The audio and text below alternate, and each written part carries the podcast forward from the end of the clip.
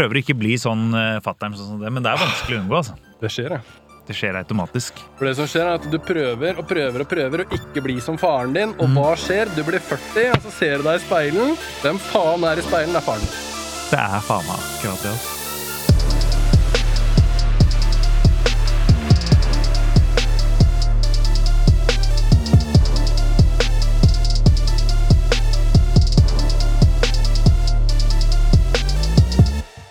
Allepodden, Uh, takk for at dere er med. Nytt år. Ny, det her er første episode i sesong to.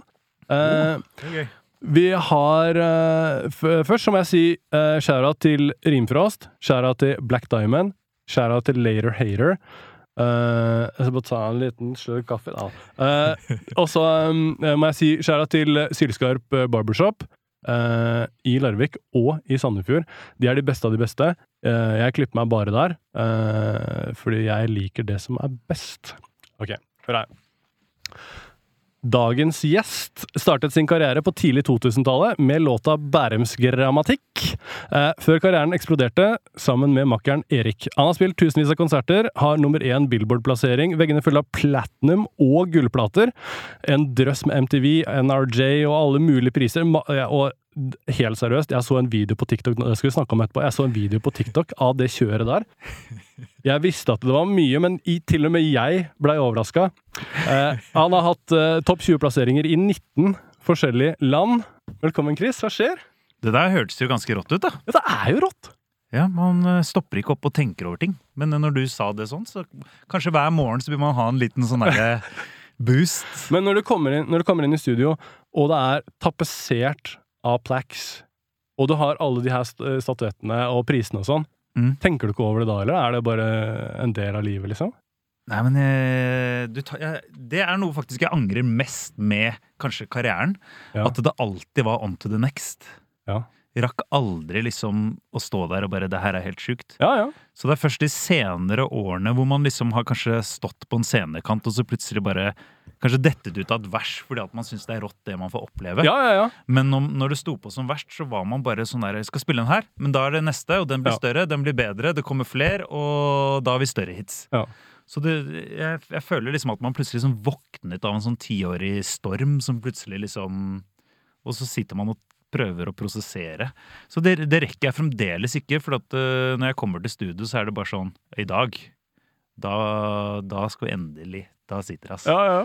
Så det Ja, burde kanskje Ja, det er veldig hyggelig at du sier det, for man eh, Jeg tror man er for, eh, for dårlig, rett og slett, i sitt ja, eget liv til å Når bare jeg sa det, så tenkte jeg jeg også har en sånn hylle med 10-15 sånne statuer på. Fra tatt og mest rundt i hele verden. Og de, jeg har akkurat det samme med meg. Tenker ikke over det. Ikke sant? Ha, ikke, jeg har tenkt over det nå når jeg sa det til deg. Hvorfor faen tenker du ikke over det?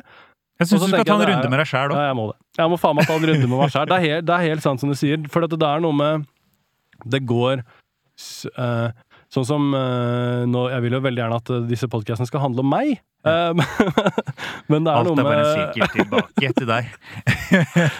Det er noe med det du sier, da. Når man, når man har uh, mange prosjekter, og det går veldig i ett, da, Ja. så plutselig så har det faen meg gått ti år, og så kikker man ikke tilbake i det hele tatt. Og egentlig så har jo Altså, jeg også har, har levd tre lifetimes på ti år, ikke sant? Og, og har masse eh, prosjekter og sånn, men eh, Hvordan Når du ser tilbake på din karriere, liksom hva er, det, er det sånn at du tenker at det er sånn Én ting er høydepunkter. Eh, er det sånn at eh, For ofte så ville jeg Jeg ville sett for meg at det kanskje sånn de største tinga var sånn VG-lista, Ja. men er det også eh, en barnebursdag for 30 kids, liksom, som er høydepunkter? Eller hvordan er det du, når du ser tilbake på det, hva er som er høydepunktene i karrieren? Eh, jeg husker ikke så mye av de derre eh, VG-lista-tingene. Det er sånn typisk du har sett kanskje på YouTube, eller 'Å ja, det der var sjukt'. Men det er de der nære kontaktene med folk Ja. som jeg har Liksom, du har Folk har kanskje sånn kommet bort til deg etter en konsert og kanskje har liksom Vi møttes på en Erik og Chris-konsert for ti år Ja. siden, og nå har vi tre barn, og vi har kalt sønnen vår Chris. Du skjønner? Har det skjedd? Sånne, ja, det, sånne, Det ting har, sykt, altså. sånne ting har skjedd, da. ja, ja. Og Ja, eller triste ting, da. Hvis noen har liksom eh, Vi mista en kompis i en båtulykke i sommer, og vi spilte Dra tilbake i begravelsen, for det var hans favorittlåt, eller Altså, alle sånne Jeg fikk en melding i går, faktisk, på TikTok av en fyr som hadde da mista faren sin. Og så hadde han vært langt nede, men så hadde han fått en kid, så han var langt oppe igjen. Og så hadde han kommet inn på natten, og så hadde han funnet kiden død. Oi. Og da had, sa han at det var en av låtene våre som uh, han hadde hørt veldig mye på den perioden her, som heter 'Det glade hjertet lever lengst', som da han hadde tatt med seg videre og følte at den hadde hjulpet han litt gjennom den sorgprosessen. Og sånne ting går jo mye dypere inn på meg Mm. enn VG-lista-ting eller øh, sånne ting. Så det, ja, det er nesten så Man kan jo nesten ikke tro det når han sier det. Nei. At en enkel låt som vi har lagt noen bars på, har hjulpet gjennom noe sånt noe. Men, Ja, ja. men han sier det. Og det, sånne ting hvert fall, det tar jeg mye mer til meg enn kanskje de høydepunktene, naturlige sånne du tenker sånn, åh, nummer én på Spotify eller sånn. Det er veldig kult, Ja. dritfett, og jeg prøver, som du sier, prøver å ta det til seg, men uh, de nære kontaktene med mennesker er det som hele tiden har betydd noe. Uh, Få lov til å være en del av folks liv i forskjellige situasjoner. Og det tror jeg faen meg Det er dere sikkert i mye større grad enn dere forstår òg. Jeg tror det er veldig mange mennesker som sitter rundt og bare At de føler at dere er en del av dem sitt liv. Selv om kanskje ikke dere har, ha liksom noen gang eh, møtt dem, eller, eller ha, aner ikke hvem de er engang. Og så sitter de eh, på den andre enden og føler at eh, det de her sier, det resonnerer til meg, da. Jeg føler at eh, eh, fordi man opplevde så mye negativitet eh, av sine pairs i så mange år, Ja. så ble jeg ganske redd for å eh, oppsøke feedback. Mm. Altså gå inn i kommentarfelt, Uh, lese meldinger fra folk i innbokser på sosiale medier. Det ble liksom sånn Hvis man bare holder det litt på avstand, så Ja. lar du det ikke gå inn på deg. Så nå, nå som jeg liksom har blitt eldre, og du får den derre naturlige tyngden som du får når du er uh, senere i 30-årene enn, Ja. enn tidligere i 20-årene, så, så, så lar man ikke det gå inn på seg på samme måten. Og Mm. selvfølgelig, det står ikke på sånn i det hele tatt om dagen som det det gjorde kanskje for 15 år siden. Men så da Nå har jeg sjansen til å liksom grave dypt i de krikene og krokene og finne disse feedbackene og disse historiene som jeg kanskje ikke fikk med meg da. Ja, for det, jeg husker at du hadde kanskje at du hadde et år hvor du ikke var på sosiale medier i det hele Det her er Ja. lenge siden, da. Ja. Men jeg husker at du bare plopp, og så var du borte, liksom. Lenge. Et år, liksom. Jeg skal fortelle deg nå noe jeg aldri har fortalt til noen. Gjør det. Eh, frua vet det, selvfølgelig. det er ikke så eksklusiv, liksom, men ja. Men uh, jeg lurer på om det var 2013 eller 2014. Så, så, så ble jeg både uh, Holdt jeg på å si Jeg vet ikke om jeg følte at ting gikk så inn på meg, men du, du var så på Akkurat som hårene er på reis, du er så på vakt hele tiden for hva folk synes, hva, enten du er på butikken eller du Altså uansett hvor du er. Så til slutt så måtte jeg rett og slett gå til en uh, underholdningspsykolog Mm. som skulle rett og slett få meg litt ut av, av, min, egen, av min egen boble. Mm. For at du er så på vakt på Altså, alle sensorer er på 100 hele tida, og det Mm. er jævlig slitsomt å, å, Ja. å gå rundt sånn her. Så da trengte jeg, som du sier, etter noen runder med det, så trengte jeg rett og slett å bare ikke være med på noe som hadde med TV å gjøre, ikke gjøre noe som var noe offentlige ting, ikke være på sosiale medier. Ganske lang stund Mm. til, du, til jeg faktisk dag for dag kunne se at gjenkjenningen av profilen gikk nedover og nedover. Mm. For jeg husker jeg bodde på Bislett, og da gikk jeg aldri gjennom noen skolegårder. For det, da følte jeg at da tar det meg en time å gå gjennom. Ja. Og så etter hvert så var det sånn jeg begynte å driste meg. Så kanskje jeg kan gå gjennom skolegård i dag. ja, ja. Og det synes jeg, det høres helt sjukt ut å si, men eh, fordi sensorene var så innmari, så var man eh, Man var bare på vakt hele Ja, for jeg syns ikke det høres så sjukt ut. Jeg tenker liksom Det er liksom sånn Hvis man går øh, Hvis man føler seg litt øh, down, da Si at det har vært i jula, du føler deg litt tjukk, Ja. og så skal du ut på byen. Så er det sånn Faen, den der skjorta den sitter jævlig dårlig! Dette er et eksempel fra virkeligheten, skjønner du. Uh, så, Her er det mann som forstår. så føler man liksom sånn åh, uh, jeg håper ingen ser at den skjorta sitter litt tightere rundt Mm. magen enn rundt brystkassa. Mm. Men så kan man i ditt tilfelle ta det og gange det med 1000, fordi alle de menneskene ser på deg Og det er ikke bare inni ditt hode at du tenker sånn 'jeg håper ikke de ser på meg'. Jo, de gjør det. Fordi at du er på en måte i ekstremt eh, en sånn ekstrem rampelyssituasjon, da, hvor at du er en eh, det man i Norge kaller for en A-kjendis. Altså, du er i kjendiselitetoppen. Og da så var det, sånn, og var det sånn, sånn som du vet også eh, Det var ikke det at alt var så negativt. Nei, nei, nei. Men eh, hvis jeg gikk gjennom byen, så visste jeg ikke om det, om det kom kjærlighet, eller om det kom en banan flyvende. Ja. For når du hører 'Hei, Chris!' Ja. Så du vet ikke hva som skjer når du snur deg, ikke sant? Og det var mange ganger det, det var en issue. ikke sant? Det, Ja. det, det kunne, komme, kunne komme egg flyvende rett utenfor Oslo City, eller altså, Ja, ja. Du skjønner hva jeg mener. Så, du, så Ja, så det var jo en uh, greie som han var litt sånn uh, Som kosta litt. Hvordan var det? For at dere kommer inn i rap-verdenen i, en- i liksom en sånn periode, en sånn skifteperiode, hvor at det, det gikk fra at det var liksom en god blanding. da Du kunne gjøre Klovner i kamp-greiene, eller du kunne gjøre Tommy T-greiene. Det hadde ikke så mye å si. Og så plutselig så bare Stopp. Ikke noe mer køddegreier. Nå skal det være ikke sant? Nå skal det være blodseriøst. Skjerp dere. Eh, hvor, og det, alt skulle være real. Ingenting skulle være sell-out. Ja. Uh, hva faen som er real, og hva som er sell-out. Hvem vet hvem som definerte de reglene? Men eh, dere var jo en av de som virkelig eh, fikk føle på det. En også tidligere gjest, kanskje det er siste episoden i forrige sesong, Oral B, Ja. fikk jo også smake den samme greia. Han var veldig flink til å snu det til at eh, alle hater Oral B. Så Han det her er hans ganske gimmick, ikke Han vant den der, altså. Men hvordan, hvordan var det for dere? For dere gjorde det jævlig bra, så fikk dere pes fordi dere gjorde det bra. Men var ikke det hele poenget? Jeg syns det er en vanskelig situasjon, for jeg forstår det òg. Jeg forstår det jævlig godt, og i hvert fall i ettertid. Ja. For når jeg hører de låtene, som du sier, Bærumsgrammatikk og Putt diamanter opp eh, Jeg må jo også legge til at det første gang jeg møtte Iso, var jo 2006. Ja.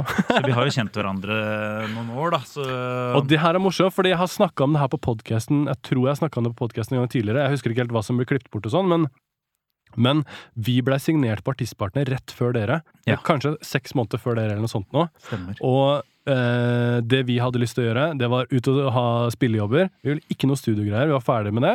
Vi skulle ut og ha spillejobber, ut og ha det gøy. Artistpartner ville at vi skulle dra i studio og lage musikk som liksom De kunne være med å forme vår greie, da. Ikke sant? Eh, vi blåste det. Inn kom Erik og Chris og, og sklei rolig videre på den bølga der og gjorde akkurat det som vi burde ha gjort. da. Som og det har aldri vært noe hate. Det har alltid vært, eh, jeg har alltid vært veldig imponert over det som dere gjorde. Selv da, når det var inn å hate Erik og Chris, på en måte. Mm. Så eh, jeg vet ikke, jeg har aldri følt at jeg har måttet liksom hive meg på det, men eh, Ja, men det har jeg alltid følt, følt fra deg og dere òg. Ja, ja. Altså, Sirus og alle. Altså, alltid vært, vært vært Sirius har jo fått kjenne på sin egen storm Han har, seinere òg, da. han har jo absolutt det. Men, eh, men det du si, eh, sier, så eh, I hvert fall når man har fått det litt på avstand, så forstår jeg mye av det òg. Ja. For jeg syns det Hvem er disse gutta med de jævla store baller som bare kommer rett inn i noe sånt nå, og begynner bare slenge om Bærum ditt og Bærum datt og møter opp på Kingsize femårsjubileum på Rockefeller og bare her, her, er, her skal vi spille, liksom. Eh, ja, jeg respekterer det enda mer i etterkant, faktisk. Ja, ja. At, eh, at man liksom banka på etter Ekkises. Du skjønner, ja. rett ut der og liksom og, og noen bare 'Dette tåler vi ikke'. Brannalarmen ble trukket. Og så må du liksom stå der ute og Nei, sorry, ass. sorry. sorry.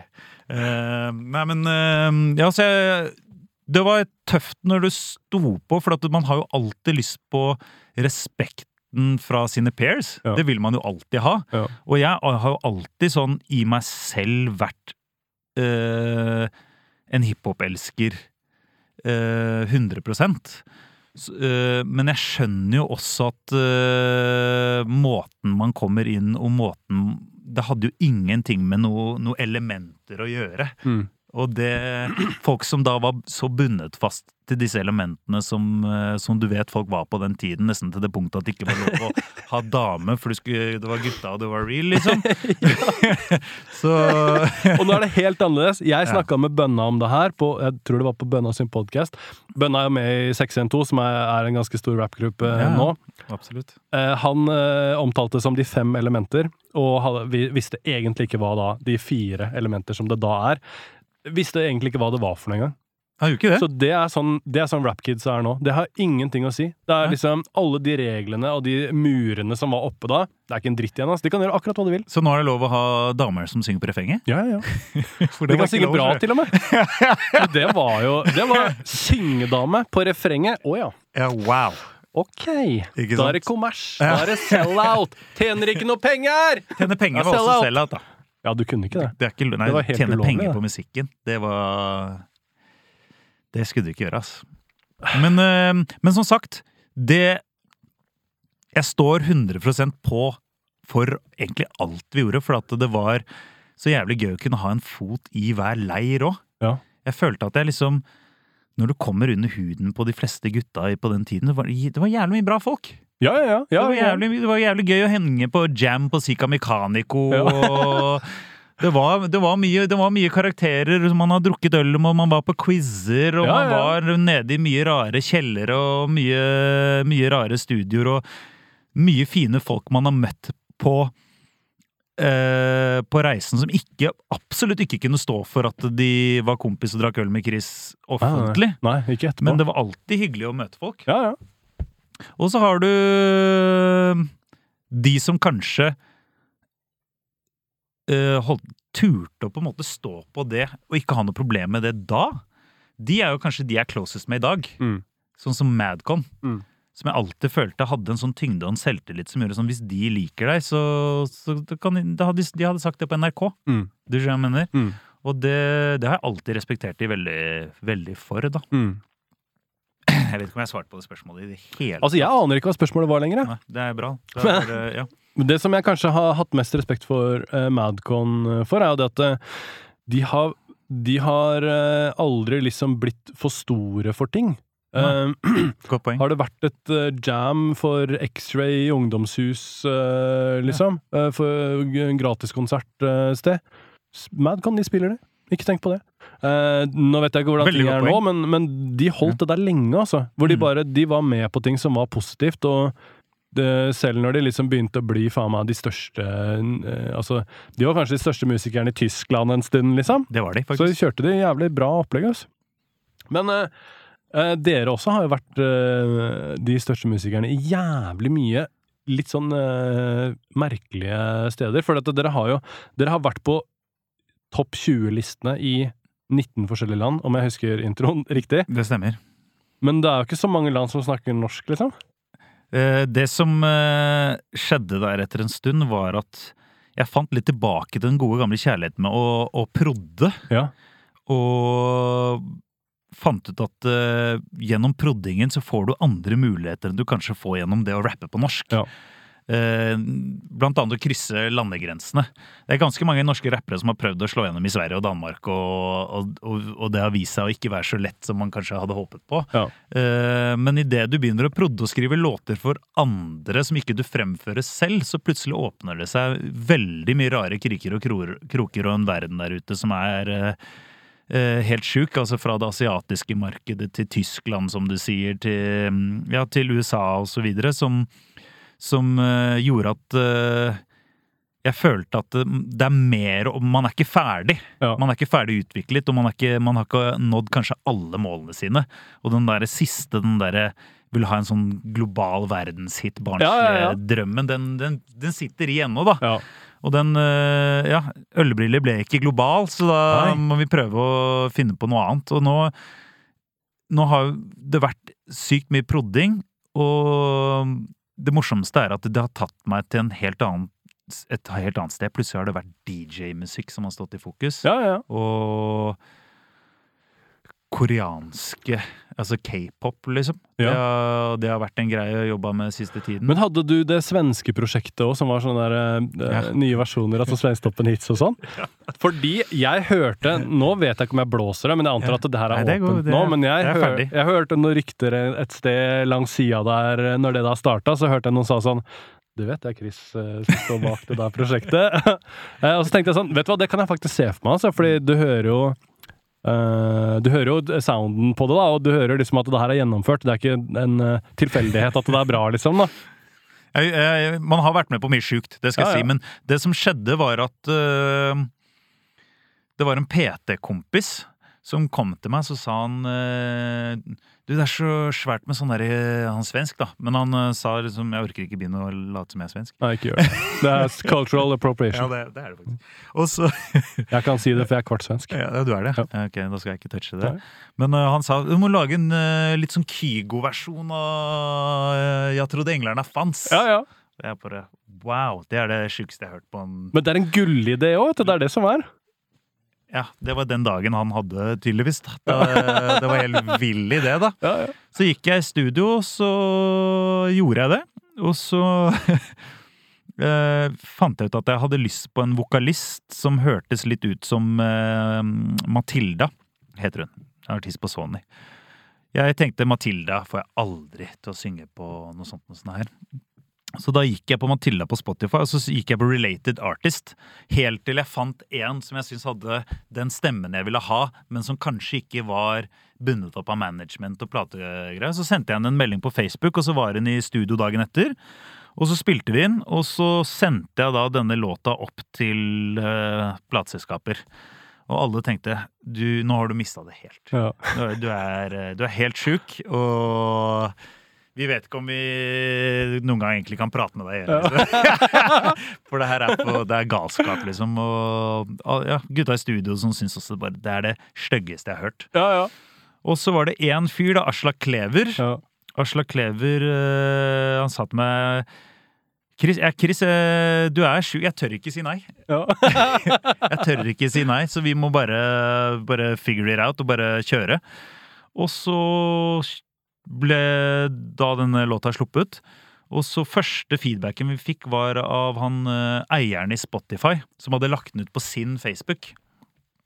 Og han bare 'Dette må dere høre, folkens'. Og så før vi visste ordet av det, så hadde den Jeg lurer på om det var 500 000 streams om dagen. jeg. Ja. Noe sånt noe. Og bare gikk eh, rett til topps på svenske lister. Og det var jo den sommeren Despacito var. Ja. Så- ja, ikke sant? Og så- det er jo ja, den, den hadde jo ganske god kontroll, liksom. Den hadde god kontroll, men da slo vi jo Despacito på svensk Spotify den sommeren. Ja, ja.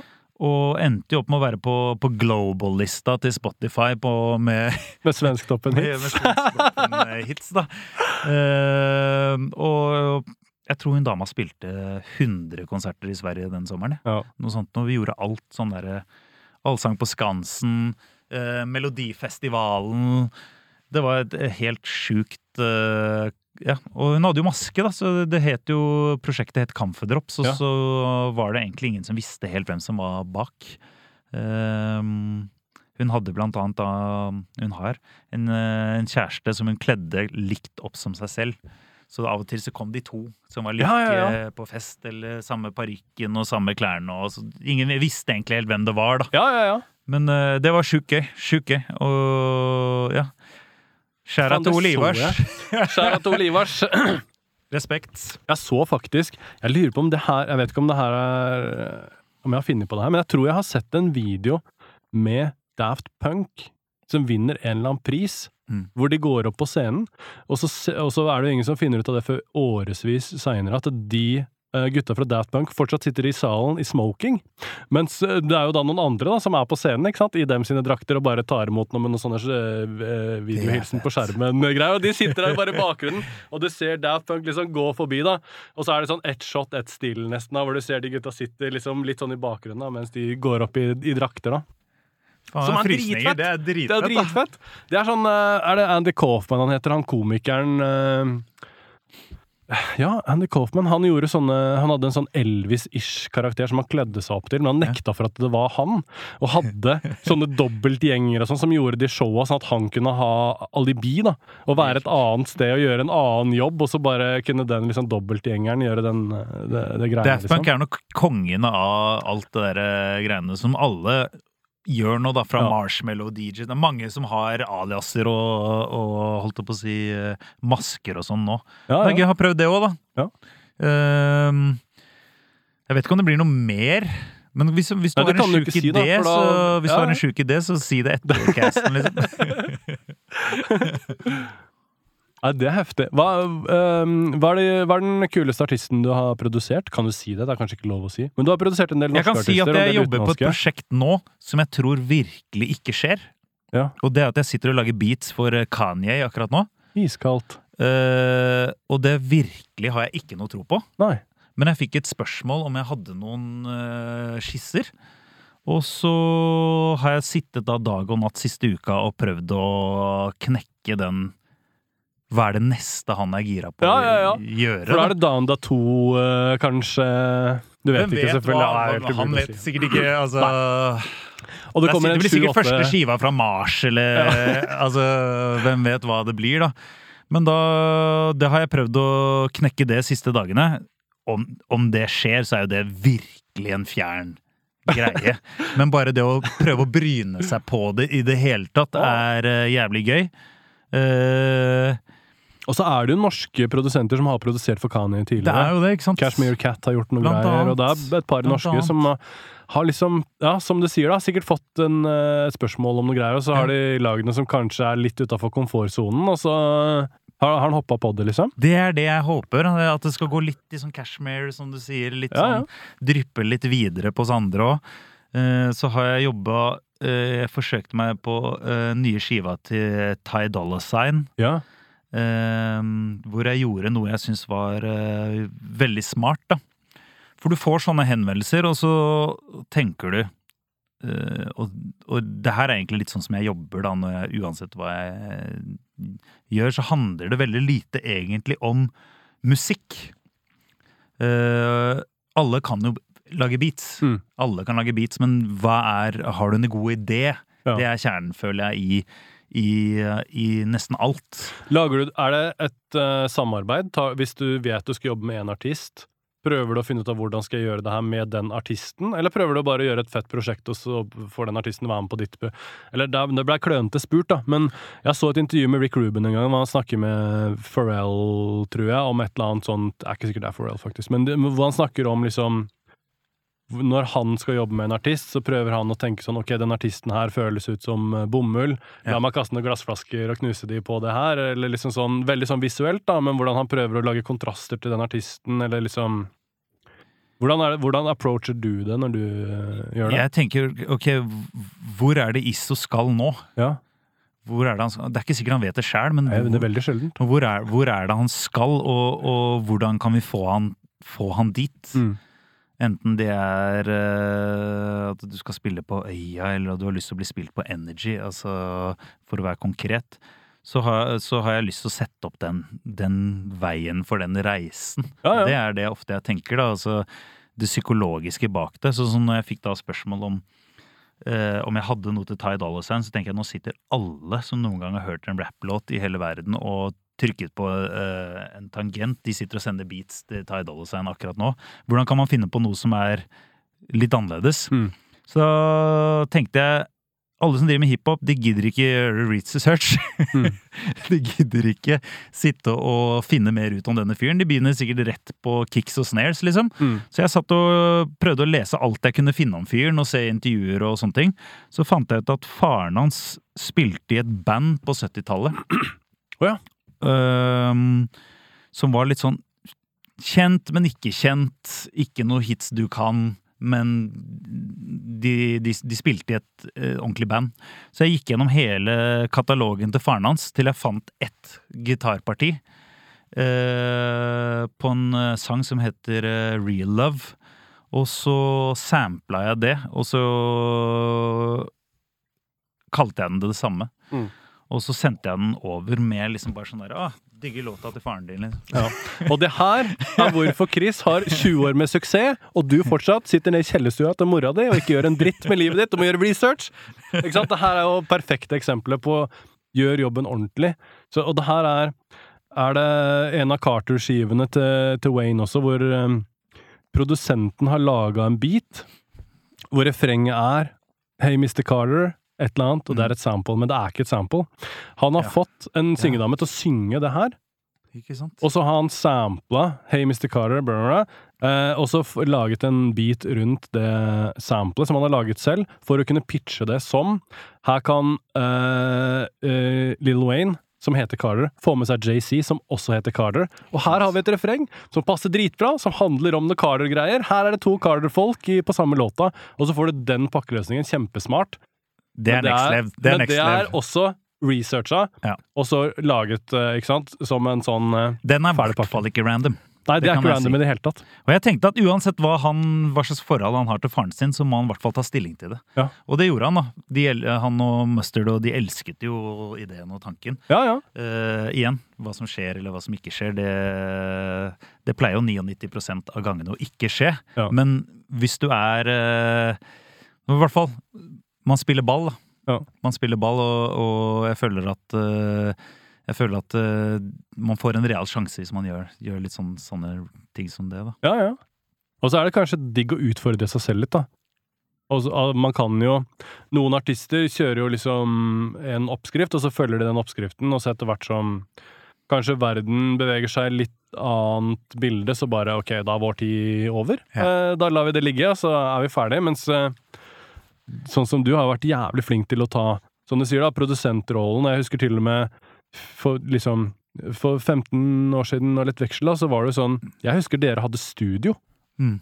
Istedenfor å spille inn et annet studio. Så bare ok, vi bare kjøper et studio, investerer i et studio. Har det selv. Ja. Og det gjør hele prosessen mye enklere. For det første så jeg er så må du takknemlig for det i dag. Folk må, Ja, ja. Gjøre, folk må gjøre det. Ja. Ta ansvar for din egen uh, suksess, altså. Men jeg tror det er enklere nå. Men da var det jo Det var noe helt da. Altså, det var jo en, en ordentlig investering. Absolutt. Nå er det øh, på en måte et lydkort og en Mac og, og litt småtteri, så er du Det godt på vei, da. Det er sant. Som også gjør at uh, det kommer ut mye ting som kanskje ikke burde kommet ut. Ja. Fordi det er så kort vei, da. Det er bare sånn, Du er i studio, så bare På kvelden så er den låta på Spotify, liksom.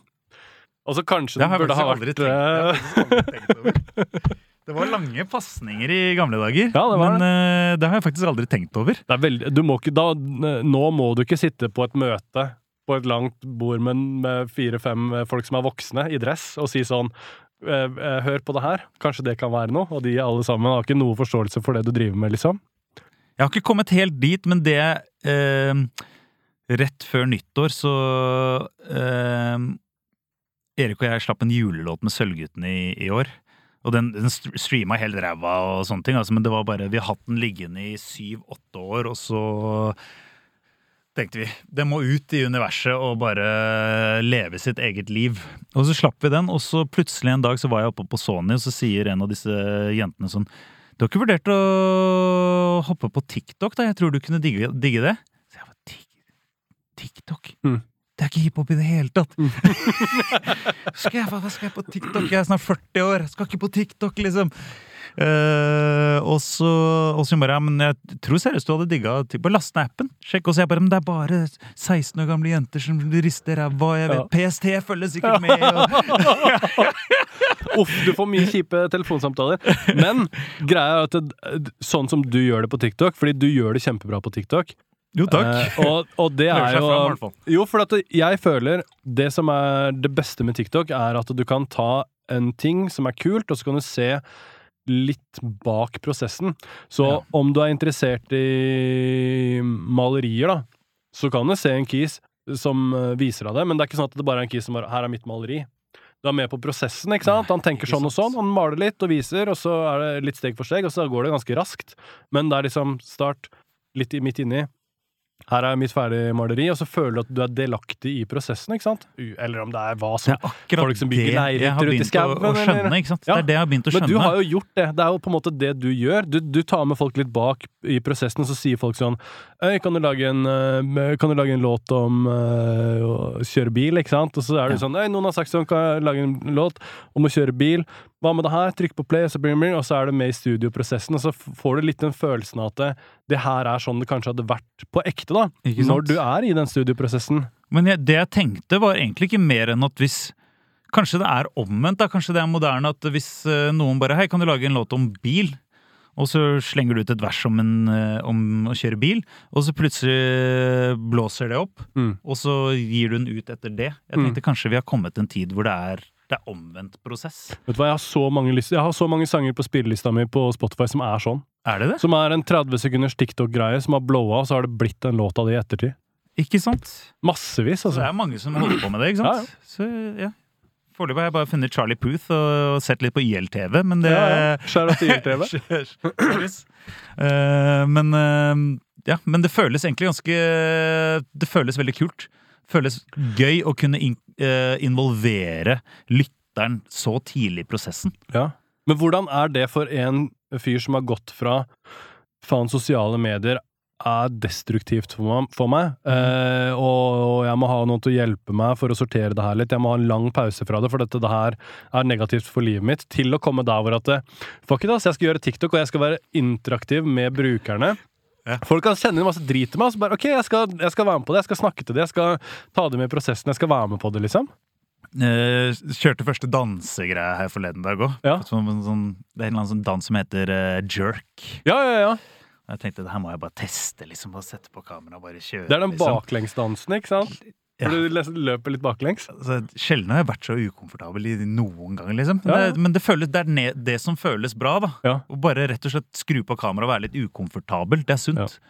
Det var en som sa når du hopper i bassenget, svøm til akkurat der hvor tærne ikke når bakken lenger. Det er der du skal være når du er kreativ, når du skaper noe. Bare sånn akkurat på utsida der hvor at eh, det, Nå kan det hende jeg drukner litt, liksom, men Det- det, det er bare ett svømmetak, så er jeg komfortabel igjen. Det er 100% på. Og, det, og det, ja, det er det jeg driver med der nå. Prøve å bare involvere folk, få feedback. Og jeg syns at, som du sier alle disse reglene og ting som man kanskje følte at man levde under for ti år siden, det, de er helt borte. Ja. Jeg skrudde på TikTok, så hva, hva er det? Folk er, folk er så hyggelige og greie og bare 'Dette var gøy', og jeg Hva er det her for et samfunn, liksom?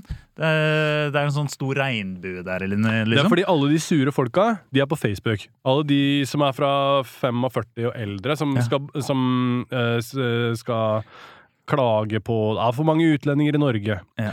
Gjør ting, send ting, folk tilbake til der de kommer fra. Sånne, der, sånne eh, drittgreier det der, som du bare føler at når du bare ser det, så bare Åh, det her kan jeg ha i Negativitet, livet mitt. negativitet. Ja, ikke sant? Det er på Facebook. Kidsa, de orker jo ikke det. De er på. TikTok, og de kan, de kan ikke ha Facebook-konto nesten engang, for der sitter jo foreldrene og spe, sprer faenskap ut til verden, så de holder seg langt unna.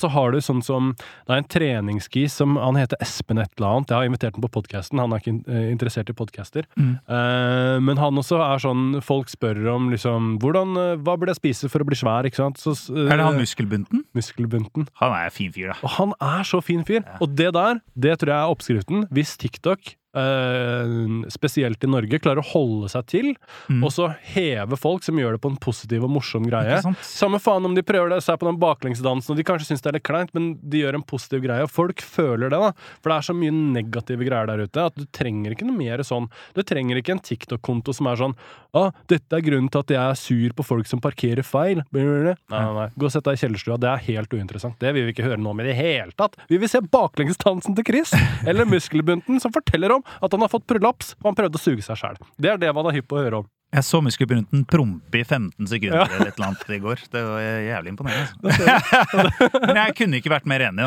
Da. Og det Ja. Det gjør jo faktisk at du får folk opp og frem. Ja. At disse frøene blir sådd, og så får de spire og gro fordi at det er et positivt landskap og Det er jævlig mye rare kontoer der ute som faktisk Som faktisk ikke hadde blitt til hvis det var et negativt miljø, som du Ja. sier, da. Og jeg tror det har vært vanskelig å gjort det samme i en, et annet sosiale media. Jeg tror det har vært vanskelig å gjort mange av de TikTok-kontoene der på Twitter, for eksempel. Da.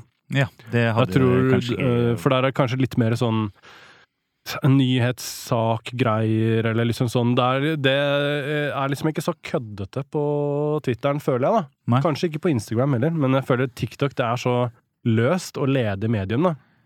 Pluss det er helt i startfasen. Du kan jo forme det som du vil, nesten. Det er akkurat det. Så, så nå er jeg bare sånn, jeg må bare prøve meg litt fram og se hva som er moro, og hva som er hva som uh, føles bra. Det er, det er jo mest de musikalske greiene som jeg føler liksom er naturlig foreløpig, da. Men Ja, ja, ja. men ja, jævlig moro, ass. Og selvfølgelig det er gøy når du viser fram liksom at det henger 30 plaques på veggene, men så, har du, så må du fortsatt inn i klesskapet der og vise den der lille bunken med, med 20 til som står her, liksom. da.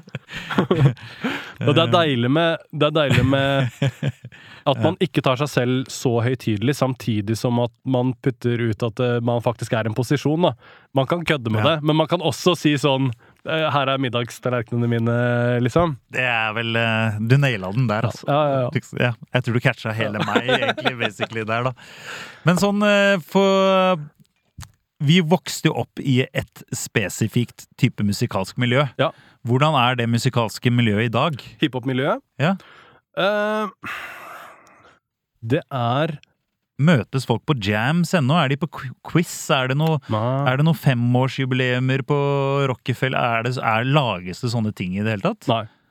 Jeg føler at det siste Eller sitter folk på Men- hver sin haug? Altså, jeg, jeg har ikke Altså, det, skjønt det greia. her tror jeg kanskje fort kan bli gamle mannfolk som snakker om ungdommen nå til dags. Eh, Du våkner opp en dag, så har du blitt din egen far, som du sa. Jo, men, men, men jeg har et godt innspill på det òg, for at Ja. jeg føler at uh, da vi holdt på som rappere, så, så var det mye camps og kliks og grupper, Ja. mens i dag er det veldig mye soloartistfokusen. Det er den staren. Man skal finne stjerna, liksom. Ja. Og det er det labels av Chaser også. De skal finne den neste store rappstjerna. Ja, jeg skjønner. Så selv om du er en gjeng, så skal du bære fram stjerna i gjengen. Ja, ja. Ikke sant? Det er litt gøy, da. Hmm. Hvem er Draken i gjengen, liksom? Jeg skjønner. Jeg, jeg skjønner. Så veldig bra innspill fra sida. ja, Roy er jævlig smart, skjønner du. Ja. Han er ikke bare kjekk, han er faen meg smart Ja. Ikke sant? Eh, jeg, jeg tror at uh, hiphop-miljøet nå er uh, For det første så er det litt friere. Ja. Så der hvor Før så kunne man også Man kunne høre Ok, de er fra Trondheim. Eh, ikke fordi at de har trondheimsdialekt, men fordi de snakker bare om å morde folk med kniv. ikke sant? Ikke sant? Eh, kjente igjen stilen. Ja, du kjenner igjen den horrorcore-stilen. Trondheim. Ikke sant? Ikke sant? Armageddon Ferish-klikken. Eh, du, du kunne kjenne igjen Ville Vestfold Ja. på, på stilen deres. Skjæra til eh, Steinar Kaspari, som kommer om to episoder. eh, ja, to episoder.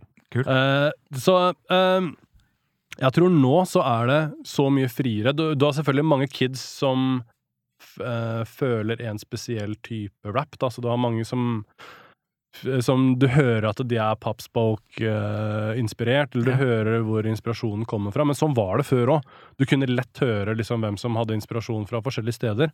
Men jeg, jeg tror bare at det er så mye mer forskjellige ting du kan bli inspirert av nå. At det, at det plutselig så kommer det faen meg Sånn som vi snakka om 612 tidligere. da Plutselig så kommer det noen som snakker om å racke Jaritos og tagge på T-banen.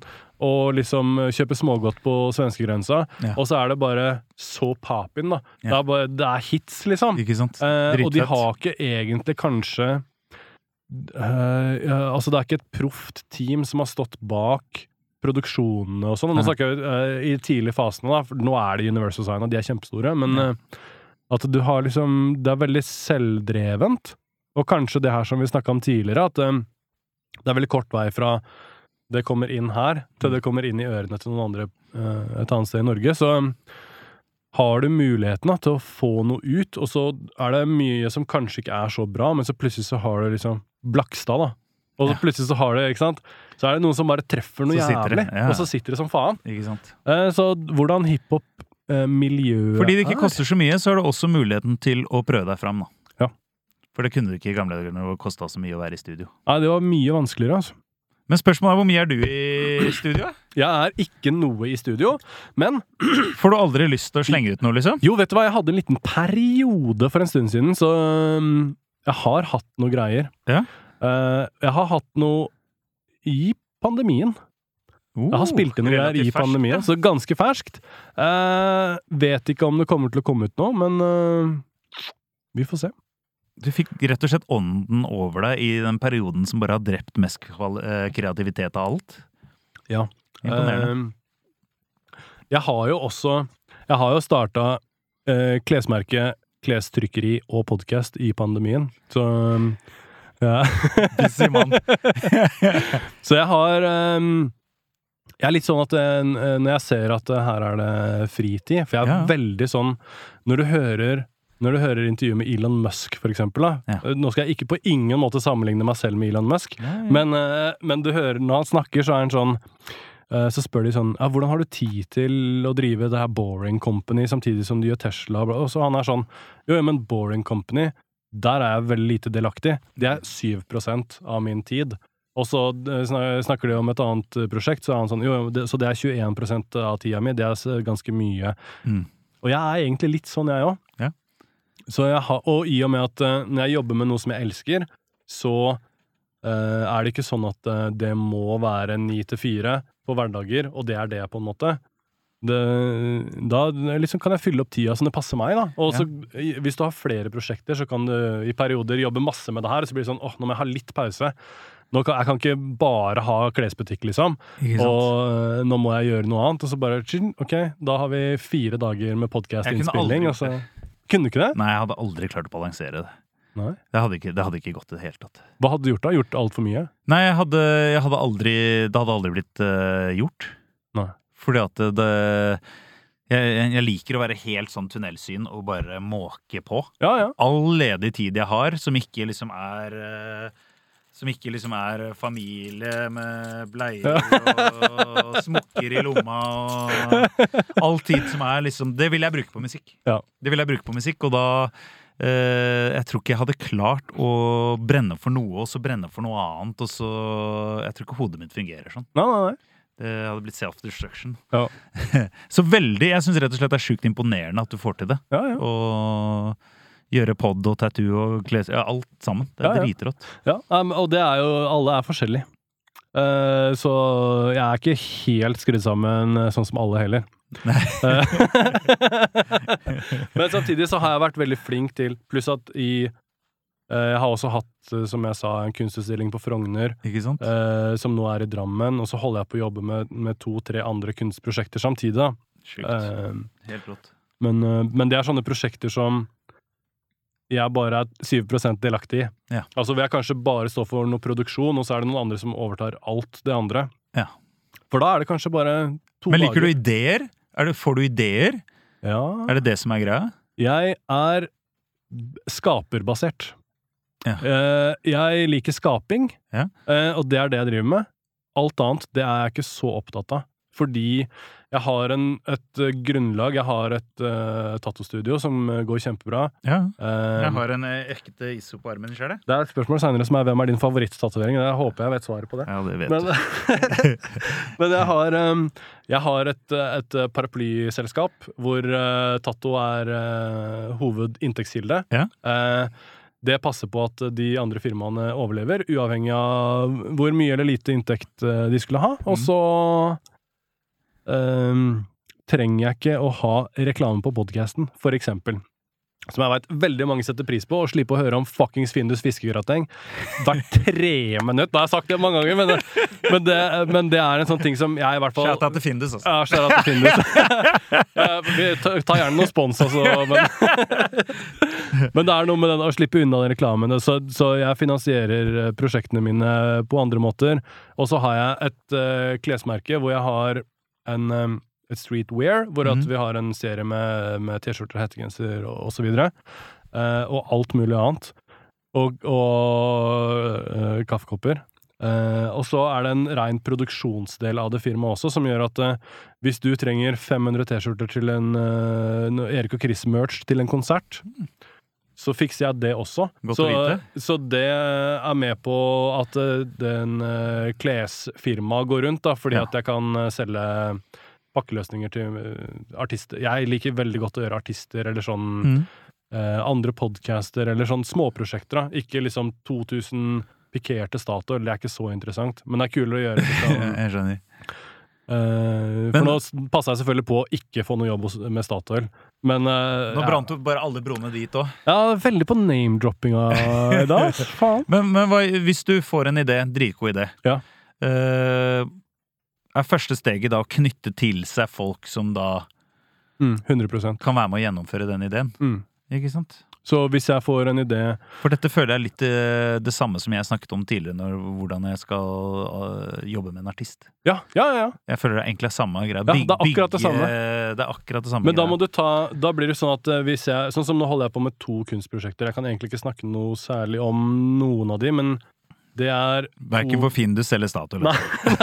Men det er to prosjekter som er uh, tilknytta to andre kunstnere, hvor da det ene prosjektet er veldig den ene sjangeren, og det andre prosjektet er veldig i en helt annen sjanger. Ja. Og de jobber litt sånn uh, mot hverandre. Mm. Uh, hvor uh, Fordi at det, en av de egenskapene jeg har, er å få ting gjennomført. Og hvis du bare gjennomfører nok ting, så kommer noe til å hitte uansett.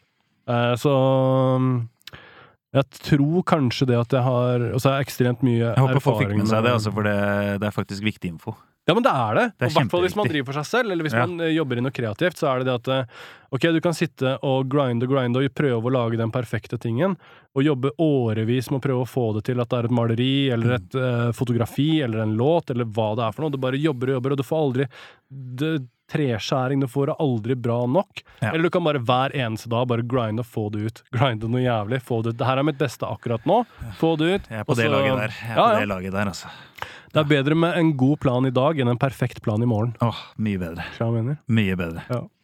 Så det var eh, Men jeg lurer på om tida er moden for kanskje vårt første spørsmål? Ja, rått. Rått. Kjør på.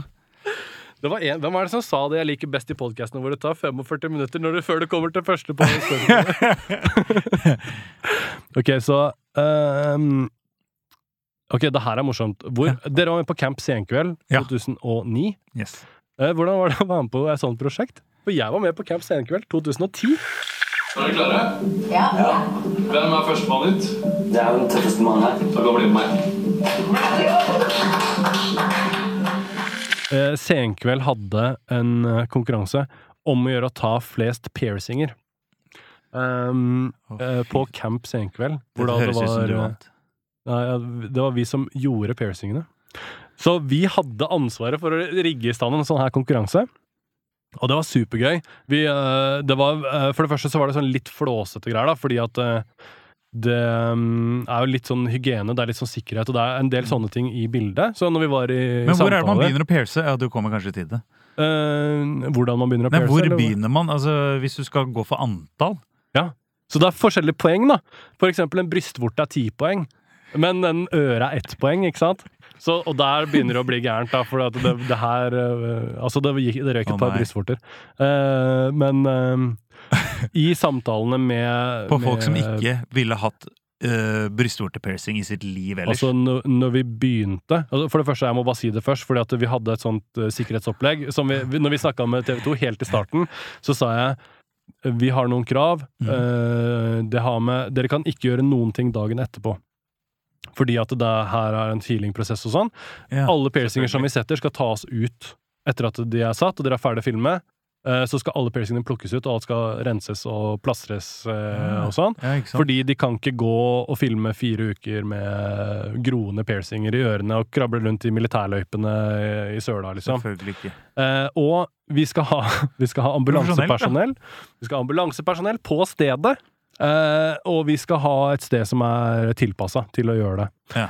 Uh, og da tenkte jeg sånn det her, De orker ikke å bruke energi på det her uansett. Og de var bare sånn Japp. Ja. Hva mer? Ja.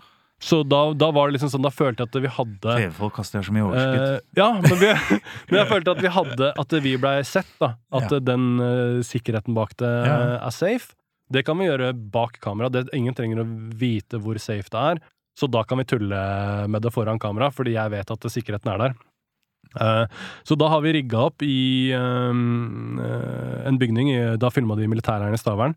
Så de har rigga opp en bygning, og vi har to sånne scenearbeidere da, som eh, rigger til alt det her kult for oss, og setter sånne jævla krukker med jern i rundt oss. Det blir, det blir mye greier. Og så har de, er det to lag med, med forskjellige kjendiser. Um, eh, Jon Brugodt og et par av de raske menn og Altså, det her er eh, det som var eh, kremen av Ja, norske ja. kjendiser da, på den tida. Absolutt. Kommer inn, og så er det et sånt forheng, fordi vi har, vi har valgt å gjøre det sånn at det, det er så ekte som mulig. Når de får vite at det, nå skal det være piercing-konkurranse, det, det Når jeg De sier de visste ikke. de visste ikke.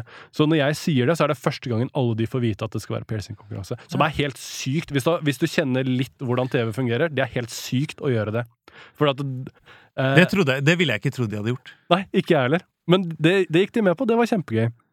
For vanligvis er det sånn, det får du vite når du sier ja til å være med på Camp Senkveld. At det kommer til å være en piercing-konkurranse. Før du signerer denne kontrakten her, Ja. vi kommer til å ha en piercing-konkurranse. Og da ryker brystvorta di. Og, ja, ikke sant? Og hvis ikke du er komfortabel med det, så Så blir det ikke noe deltakelse. Men det kjørte de faktisk ikke. Så, så det som skjedde da, var at eh, det første laget kommer inn. Det er to lag mot hverandre, rødt og blått. Eh, første laget kommer inn, og jeg sier noe sånt som 'velkommen', bla, bla. Eh, som dere ser, skjønner dere sikkert hva som kommer til å skje. Så sitter Tom Erik, som er pierceren min, eh, i stolen der, Ja. eh, og liksom demonstrerer omtrent at dette her er det som skal skje. Piercing, lange nåler, det, dette her blir skummelt.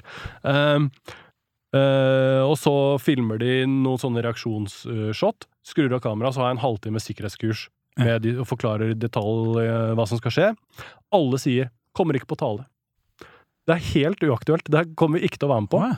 ingen, var, ingen var med? Og så er det plutselig en ja, Nå husker jeg ikke hvem det er, men en eller annen idrettsutøver da, som Ja. sier OK, jeg kan ta én. Ja. Og så er det en annen håndballjente som sier ja, da kan jeg ta to, og så smekk, smekk, smekk, og så er det plutselig i gang. Og så er det helt kaos. Og de- de tar masse piercinger, og det er kjempemoro. Det er på en måte ikke så Det er ikke så mye farligere enn veldig mye av det. Altså, eh, eh, når de har seilekonkurranser i sånne små europajoller rundt ute på sjøen her, så faen, det er, er farligere enn å ta en ørepiercing, på en måte. Absolutt. Ehm, så det, det der var jo et jævla show, ikke sant? og det var kjempemorsomt. Og i etterkant så følte jo liksom eh, De syntes det var veldig enkelt å promotere det her som en sånn sjokkgreie i reklamefilmer og sånn. Ja. Eh, Se og Hør heiv seg på med en gang. De store avisene osv. Og, så videre, og det endte opp med at eh, i 2010 så var Senkveld det mest sette TV-programmet. Den piercing-episoden var den mest sette, sette episoden av Senkveld. Rått. Så vi hadde liksom den mest Rått. sette TV-episoden det året. Mest sette var- øyeblikk i 2010, liksom? Ja. Rått, da. Som var egentlig bare Jo, takk for det. Som var eh, bare en sånn surre rør-greie som vi havna i, og det, det var liksom en konsekvens egentlig at vi hadde noe eh, Jeg tror vi filma Sirius sin eh, bakgrunnshistorie til norske talenter i studio. Fikk litt god kontakt med det teamet, og det, det teamet var kjempeflinke. Vi- Det var sånn Vi var i samtaler om å gjøre Miami Ink team. Norge eh, til slutt der, ikke sant? Um, som eh, heldigvis aldri blei nå, men eh, Som da hadde passa jævlig bra til å ha egen TV-serie. da. Ja. Men jeg har det nå. Ja, På YouTube. Nå har du, ja, ikke sant? Ikke sant? Ja, ja. Men eh, Så det kvarteret der eh, bygde egentlig opp til eh, å, å spørre hvordan syns du det var å være med på Camp Senkveld? Jeg syns det var Det var drit, dritgøy. Ja. Eh, ikke noe piercinger. Men jeg hadde, jeg hadde blitt med å pierce hvis det var Ja. Jeg hadde ikke nekta for det. Brystvorta? Ja, det hadde jeg. For da har vi en overraskelse her nå, skjønner du. Da. Høyre eller venstre? Nei, ikke. Alt jeg syns det eh, Jeg hang mye med han derre Jan Otto fra Kaizers. Ja. Så vi hadde en ganske close bromance going på Camp Senkveld, som jeg syns var jævlig hyggelig. Eh, og vi hadde noe synkronstuping der, og Det var jo da Dorte slo seg så jævlig og ble så gul og Ja. blå. Eh, og så hadde vi også en hvor vi skulle shave alt kroppshåret, som Ja. ble ganske intimt. Eh, ja, det er ikke ofte du shaver deg i rumpa på TV, men det, Ja, men det da har man gjort det i år, liksom. Og så eh, Etter det så eh, var jeg med på én et TV-øyeblikk til, og så ga jeg meg. Ja.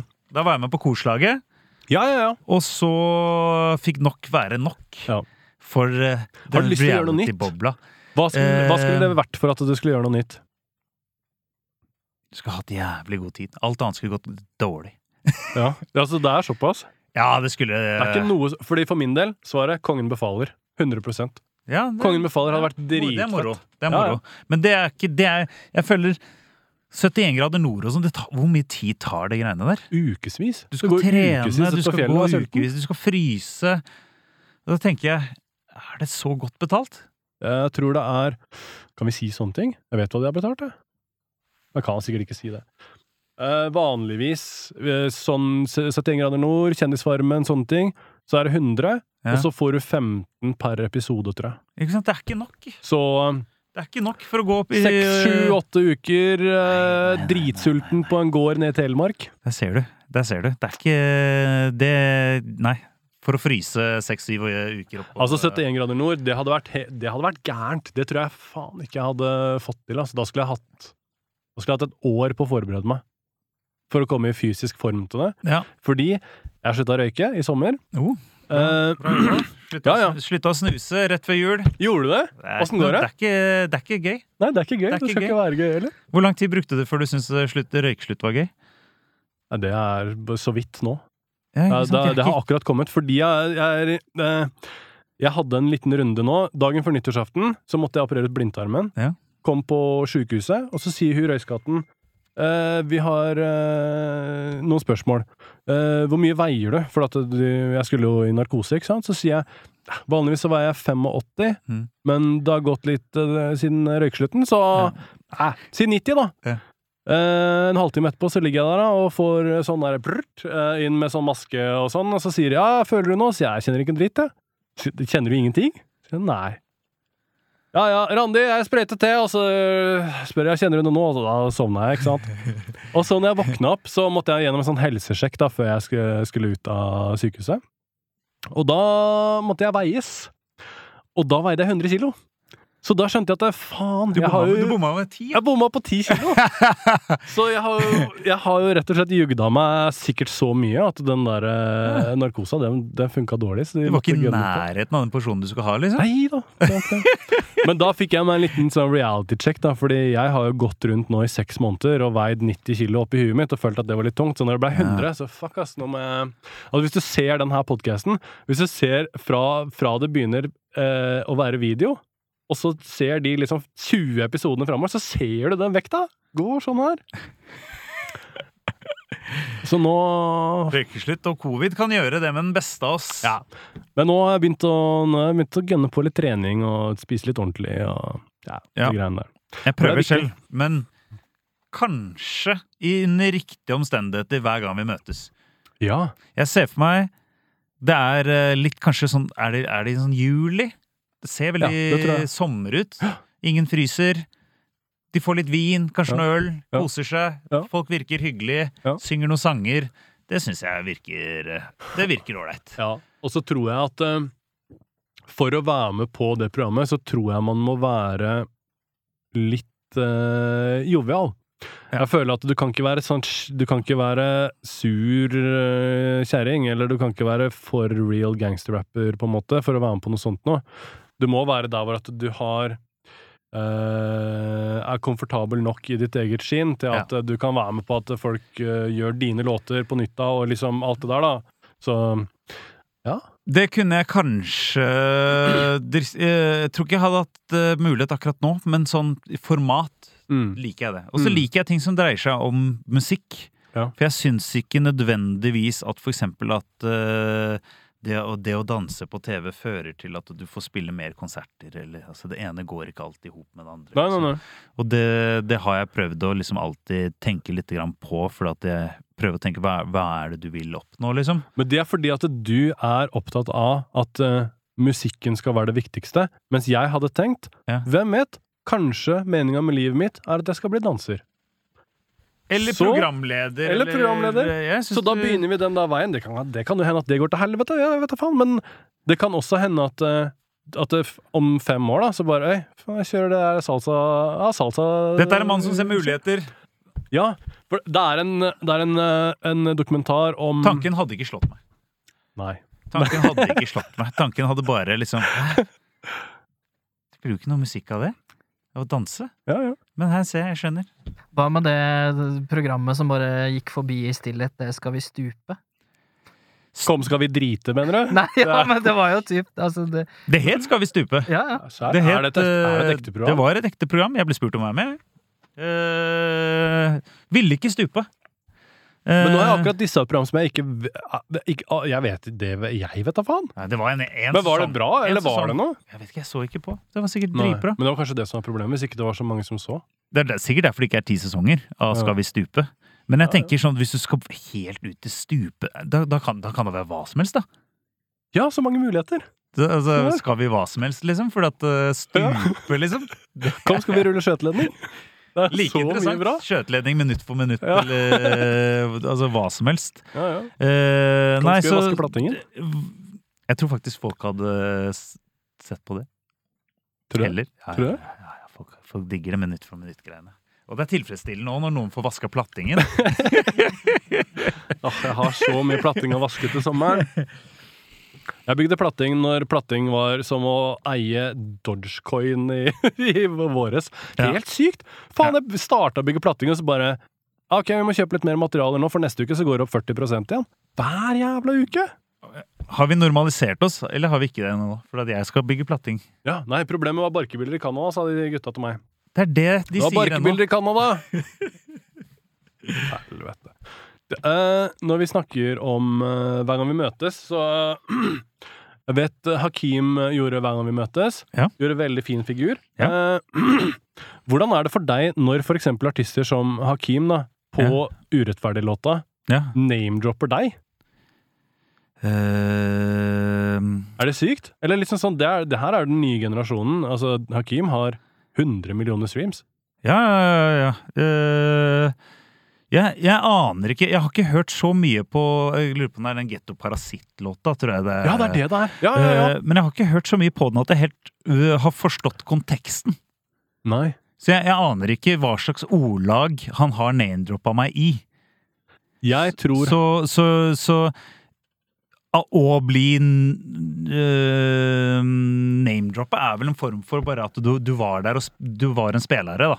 Ja. Du, du var der ute, liksom. Folk, ja, ja. folk fikk det med seg. Men i hvilken kontekst det er, det, det vet jeg faktisk jeg har, ikke. jeg har automatisk tenkt uh, øh, For han sier noe sånt som uh, at Erik og Chris kom seg ut, og, og det gjorde aldri de. At de ble på en måte boende i Orten. Mm. Og jeg har bare tatt det som en shout-out til noen som har made it, liksom. Men man kan jo se på det som at uh, Vet du faen, jeg. At eh, man Fikk vi en fordel de ikke fikk? Ja. Eh, altså Men det tror jeg Nå ser vi på den samme tingen fra to forskjellige synspunkter. Ja, og det er typisk meg. Og, og jeg ser på det som at uh, her har du den nye generasjonen som eh, tenker dere er den eldre generasjonen, som de ser opp til, og så Ja. ser du på det som at uh, faen, er det et lite stikk til meg, kanskje? Det, ja, men ikke nødvendigvis. Det er ikke sånn, for jeg liker de gutta veldig godt. Jeg har jo møtt de gutta mange ganger. Ja, ja. Kjempefine folk. Ja. Men eh, akkurat den har jeg ikke satt meg nok inn i til å vite om, om det er noe jeg er veldig stolt av, eller om det er noe jeg skal drite i. Ja. Så, men, Eller om det er noe eh, beef der, liksom? For å skyte inn, da, nå fant jeg teksten her. Det han sier er 'Føler meg fortsatt som en fugl fanget i et bur'. Erik og Chris kom seg ut. Når er det min tur? ja. ja. I en låt som handler om å være øh, I en getto-situasjon fylt av fordommer, på en måte. Ja, jeg, nei, men da, jeg, jeg forstår. Eh, Og sånn sett så tolker jeg det ikke egentlig Jeg tolker det ikke som en diss, sånn sett. Jeg, tolker, jeg, jeg, skjønner, jeg skjønner veldig hva han mener. Uh, og det er eh, en veldig fin låt, da. Det skal han ha. Uh, ja. som sagt, jeg har ikke satt meg nok inn i, Nei, nei, nei, nei, i sangen. i det. Det- Altså. Jeg har rett og slett ikke Jeg har fått med meg at det har skjedd, for det var Jeg fikk tilsendt eh, noen spørsmål fra noen kid som hadde den sangen som sånn analyse på skolen. Oi! Eh, og da spurte de, prøvde de å spørre meg hva, hva, hva det var, eller et eller annet. Og da Ja. sa jeg jeg måtte melde pass. Ja. Måtte rett og slett melde pass. Men eh, ja, som sagt, de gutta er jævlig flinke og Fy faen, ble jo spilt inn i studio hos oss, og det, så ja, jeg, de gutta er helt, eh, helt rå, den nye, Ja, nye der. Altså. Men akkurat den situasjonen der aner jeg ingenting om. Nei, og det blir jo kanskje Nå snakker jeg jo til den som blir snakka om, Mm. og spør eh, hvordan Hvis er det Hvis han er gjest på poden en gang, kan, du ikke Ja. kan du ikke spørre oss? Ja, ja, det her er- I episode, om, eh, om eh, 25 episoder så har vi en Hakim-episode hvor vi snakker om det her. Så og da kommer vi til å klippe tilbake til det her og hele greiene. Ikke tenk på det. Perfekt. Perfekt.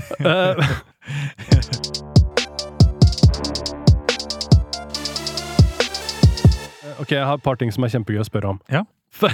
Favorittstatuering. Kan vi ha jingles denne sesongen? Ja, vi har jingles. Ok, nå kommer uh, det vanlige segmentet. Hva er din favorittatovering? Jingle. Iso. Hva er din favorittatovering? Det er en uh, tatovering som jeg har uh, uh, En venn av meg som heter Isso har tatt. Eh, og den har jeg på armen her, etter en eh, Erik og Chris-sang som heter Store drømmer. Så her har vi da et eh, piano. Kan det være et flygel? Ja, det er sånn, sånn så sånn, Steinway piano, Steinway, hvor det står, ja, eh, står Store drømmer på armen. Det er helt klart min favorittatovering. Bra svart. Eh, Hva er meningen bak det? Hvis noen andre hadde spurt, så hadde jeg fremdeles sagt det. altså. Hadde du det? Ja, ja, 100%, 100% Meningen bak den er Jeg føler at den tatoveringen dekker liksom hele den livsfilosofien som du snakket om tidligere også, med å bare eh, Gjennomføring. Ja. Du har en drøm, du har et mål, og så, og så får du gjennomført det. Ja, ja. Det er det. Og det har jeg ofte tenkt på når jeg har sett på den. ja, ja. Som hvis du liksom sånn åh, gidder vi det? Jo, vi gidder det. Og så er det jo også sånn Et piano har Hvor mange tangenter er det på et piano? 128, fant jeg på nå. Et eh, piano har 128 tangenter. Mm. Det er likt for alle. Et uh, alfabet har 29 bokstaver. Det er likt for alle. Vær så god, gjør hva du vil med det. Faen, det er Det er visdom. Ja, det er ikke noe leik. Uh, og altså, ingen tvil, ingen tvil. Men jeg har mange ganger tenkt nå må jeg komme meg ut igjen. Ja. Jeg har flere ting jeg hadde lyst til å gjøre, men jeg har bare aldri hatt tid til å ta Nei, dem. jeg vet. Jeg vet åssen det er. Ja. Og nå er det småbarnsforeldre, og det er jo et helvete tidsmessig. Det er ikke lett å balansere. Nei, fy fader, altså. Men jeg, jeg for min del har blitt så heldig nå at eh, min sønn er tolv og et halvt. Han blir 13 Ja. om ikke så lenge. Ikke sant? Så um, hvis jeg skal Hvis vi skal produsere uh, all merchen til Savernfestivalen, for eksempel, da, Mm. som vi har gjort nå i vinter, Fett. så uh, har jeg trykkeri, Ja. og jobber sønnen min hos meg. Så jobber vi sammen. Så står vi og kødder, og så bare Ei, se den gjennom pizza den, Pizza pepperoni gjennom, og så kommer det gjennom tørkemaskinen ei T-skjorte. Og så har vi liksom sånn vår sjargong og sånn, så det blir mer som en kompis, da. Bortsett fra at du eh, innimellom må, må være pappa. Men, ja. men eh, det er veldig koselig å kunne liksom ha med barna sine på seg. Og den situasjonen kommer du til å komme i en gang også, når, når tida er riktig for det. Men eh, ja, da, da blir det liksom andre veien. Det blir sånn at du, det blir en ressurs, på en måte. da som For det første, liksom- utrolig hyggelig kvalitetstid. Ja. Men det å lage sin egen arbeidskraft er også en hack. Ja, ja, Det er jo genialt, altså. ja. ja. Og jeg, hadde jeg visst det Ja. Faen, jeg hadde hatt sju kids! Jeg hadde hatt åtte kids! Men jeg visste det jo ikke! Og nå er det for seint. Nå er jeg for gammel, jeg kan ikke, for jeg kan ikke få sju kids nå. Det er altfor seint. Men hadde jeg visst det for 20, 20 år siden, eller for 15 år siden Ja. God damn, jeg skulle bare fått de på rad og rekke. Tvillingpar. Fire tvillingpar. Ferdig. Ikke sant? Igjen har jeg sett på det fra negativt hold. ikke sant? Ja. Og det, det, det, da får du ikke gjort noe annet. og så- Nei, du gjør ikke det. sant? Men det er bare en stund. det er bare en stund. Og så etterpå så er du jo direktør på din egen fabrikk. Gratis arbeidskraft. Eller jeg lønner den jo, det er jo det verste. Jeg lærer et og annet i dag, altså. Det er, jeg har jo barna mine halvparten av tida, Mm. uh, som er en uh, veldig bra ting. Ja. Det er uh, noen ganger en negativ ting, men i veldig mange tilfeller så føler jeg at det er en veldig positiv ting å ha litt tid som du kan gjøre eh, dine ting, og så når du har barn, Mm. så er det 100% barn, fordi jeg har vært ekstremt dårlig Uh, Jeg vet ikke hvor personal jeg skal gå i, da, men jeg har hatt uh, store deler av livet mitt hvor jeg har liksom uh, våkna opp etter noen år og bare tenkt sånn Helvete, nå har jeg ikke vært hjemme på en stund, altså. Uh, nå begynner det å bli klønete. Det her er ikke, det her er ikke helt ryddig. Ja. Hvor jeg har Ikke sant, du jobber til sju, da, og så har du små barn. De Mm. har jo lagt seg når du kommer hjem, og så plutselig så har det gått et halvt år, sånn som det, og så har det gått et år, og så Ja. Plutselig så begynner man å se at uh, du begynner å bli som faren din. Uh, så, for jeg har ikke så veldig god bagasje. Akkurat den, til så, eh, den der kjente jeg, altså. Ja, ja. For det er så fort, det er så lett å Ja, det er sånn. Det er sånn, Så plutselig så har du en guttunge som begynner på skolen, og så er det sånn ah, Dæven steike, nå er det kanskje på tide. Så jeg har på en måte fått den Det er på en måte den beste tingen jeg har fått ut av det. Når jeg har kidsa mine, så har jeg kidsa mine 100 og, og det er sånn det er. Ja, Eh? Men da, når den telefonen ringer 25 ganger, da Mm. er det ingen andre som eh, sitter og rydder opp i det. det da, da må jeg også, ikke sant? Hallo? Ja, det er noe greier på skolen, ja. Ok. ja. Mm. Eh, en lang digresjon for å komme over til vårt neste segment, fordi vi er allerede på overtid. Men jeg kunne, jeg kunne sikkert snakket mye om det, for at det er jo, når man har da barn, det vanskeligste er jo å få døgnet til å gå opp i det hele tatt. Ja. Og folk er sjuke i barnehage hele tiden, og så videre og så videre, og du bare midt i en session må pakke sammen og stikke. Ja. Og derfor, strategisk sett, så er det kanskje ikke er så gærent å ha halvparten av tid, sånn som du 100% dedikert. 100 Jeg liker at Ja. du ser på det på sånn positiv uh, Ja, utrolig positivt å har vært i dag, altså. Ja, men det, og jeg er ikke alltid det, altså. Men, eh, men jeg har litt ånden uh, over meg i dag. Ja, veldig kult. Um, så skal vi over til vårt siste faste segment, Q-jingle. Jeg har ikke noe jingle ennå, men her kommer en jingle, da. Eh, som heter eh, Fortell om en gang du holdt på å dø. Bro, jeg holdt på å daue. Er det isopoden? Er isopoden. Fortell om en gang som du holdt på å dø. Ja. Fortell om den gangen du holdt på å dø. Og jeg, jeg liker Kenneth Engebretsen sine ganske bra. Mm. Eh, det er jo mye greier. For, fordi Kenneth Engebretsen må du bare stoppe. Ja. Nå har vi ikke tid til flere historier om når du holdt på det. Eh, og så, Ja, nei, det, det er Men ja, det varierer ofte mellom uh, ekstremt voldsomme ting og bare morsomme ting. Kommer ikke på noe på farten annet enn en som jeg tenker veldig mye på. Som er veldig Ja. personlig. Ja, ja. Som absolutt ikke var i nærheten av å dø. Men jeg var hadde lært å sykle, og du vet når du er liten, så skal du sykle på og skal prøve å kjøre på bakhjulet, ikke sant. Så hadde jeg en sånn parkeringsplass. Uh, det er heller ikke en historie jeg har fortalt for mye, tror jeg. og så driver du og trikser på bakdekket, og så hadde, hadde jeg sånn bok, eh, bukkehorn på crossykkelen.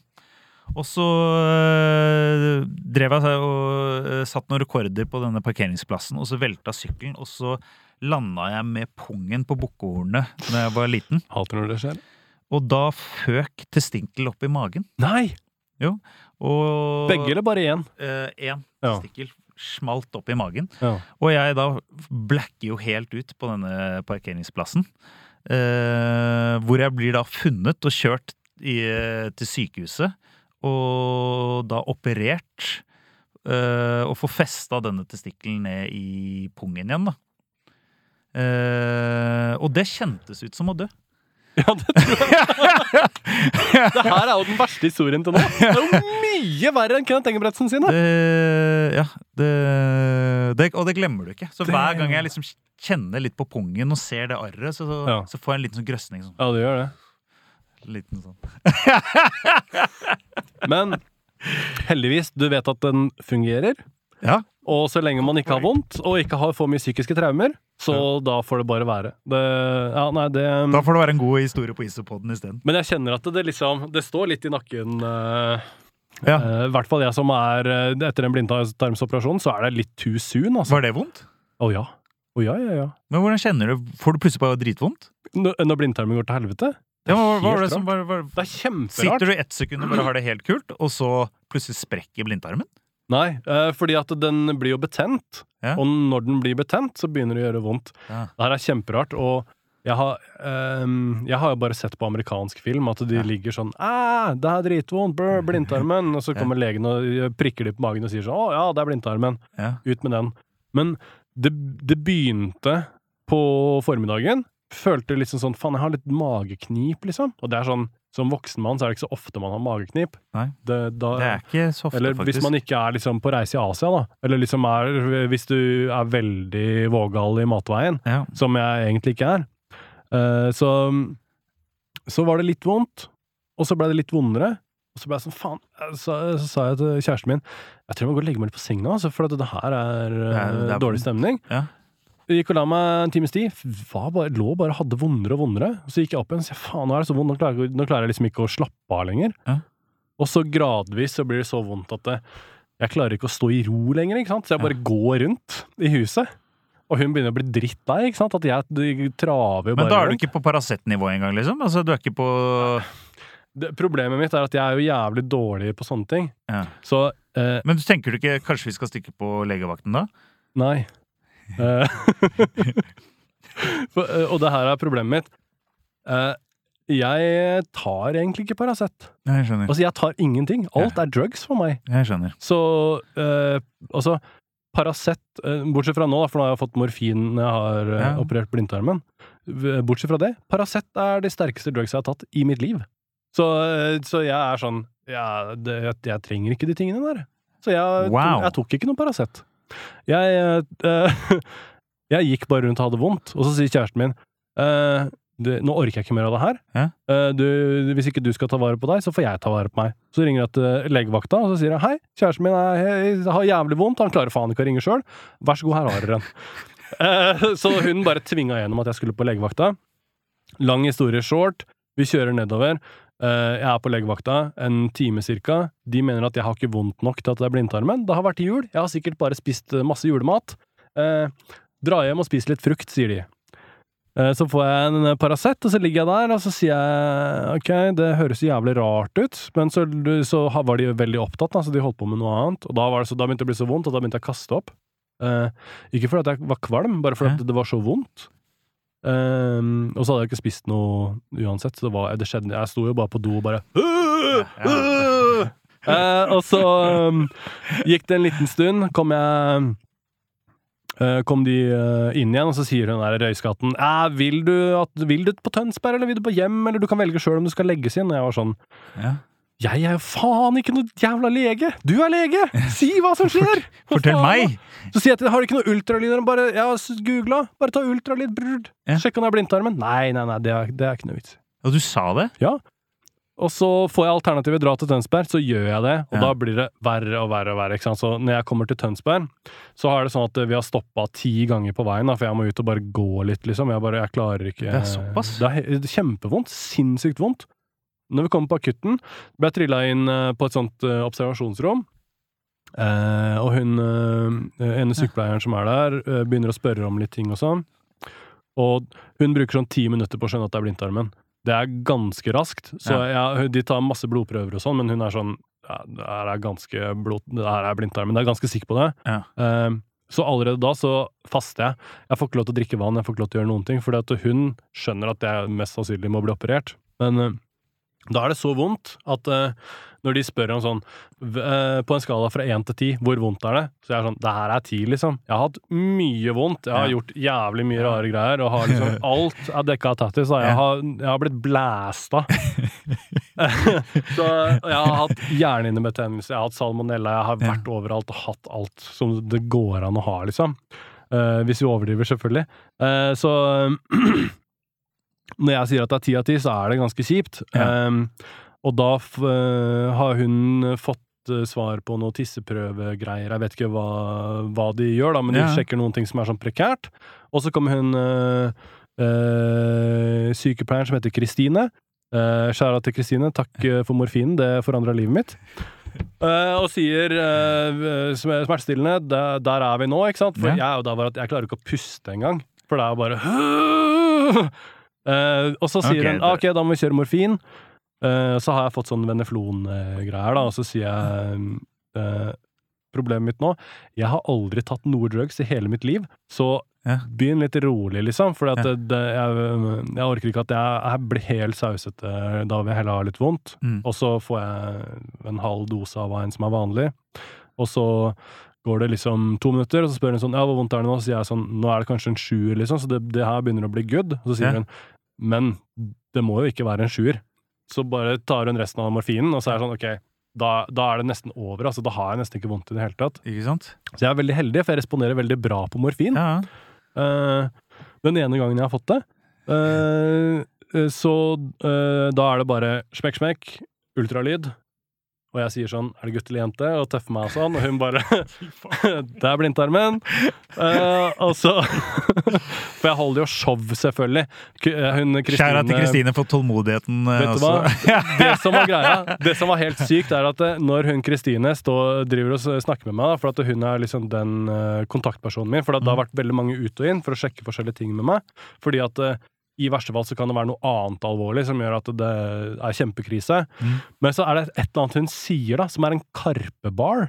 Ja. Og så sier jeg 'var det en karpebar?' Og hun bare 'ah, det var det'. Hvordan catcha du det? Så sa jeg sånn 'selvfølgelig gjør jeg det', bla, bla. Og så begynner jeg å fortelle om at jeg var på uh, SAS Skien. Ja. Uh, fordi de hadde generalprøve på SAS Skien, Ja. så jeg ble invitert til å være med på generalprøven. Så jeg var med på det SAS Skien-greien, som var helt sykt. Men det kan du høre i ja, en annen podkast. Eh, eh, så da snakker jeg og Kristine i 20 minutter om eh, SAS Skien. ikke sant? Og hun er jo det her syns hun er kjempegøy, for hun er super Karpe-fan og har allerede billetter til alt som skjer nå eh, i Spektrum og sånn. Du møtte riktig sykepleier? Ja, så, så det var veldig koselig, og det var veldig sånn det liksom roa meg litt ned òg, da. For at jeg, eh, ti minutter før så skulle jeg jo dø, ikke sant. Det var sånn, Hvis de hadde sagt eh, vi er tomme for morfin, men du kan få ei pumpehagle i kjeften, så hadde jeg sagt ja, men da gjør vi det. Da- Da vi bare sånn. tar det som er.